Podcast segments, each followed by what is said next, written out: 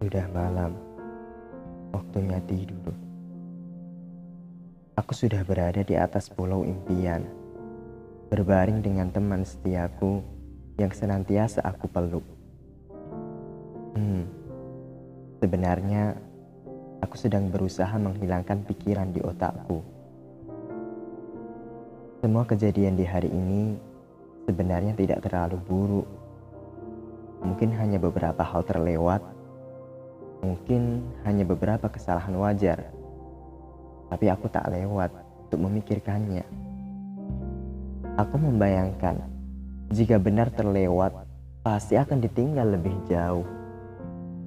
Aku membayangkan jika salah akan semakin parah. Negatif thinking adalah jalan pikiran yang kutuju. Semakin aku melawan, semakin banyak pikiran yang datang. Sebenarnya, semua yang kamu resahkan belum tentu terjadi. Semua yang kamu pikir buruk belum tentu bikin terpuruk.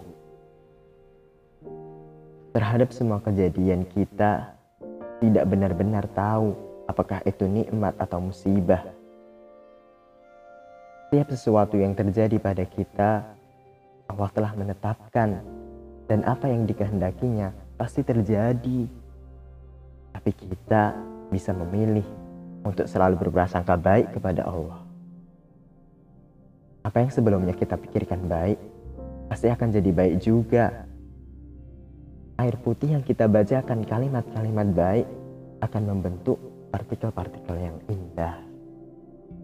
Jeruk yang kita sangka asam, pahit, dan menyakitkan tak akan memberi kebaikan pada kita sama sekali.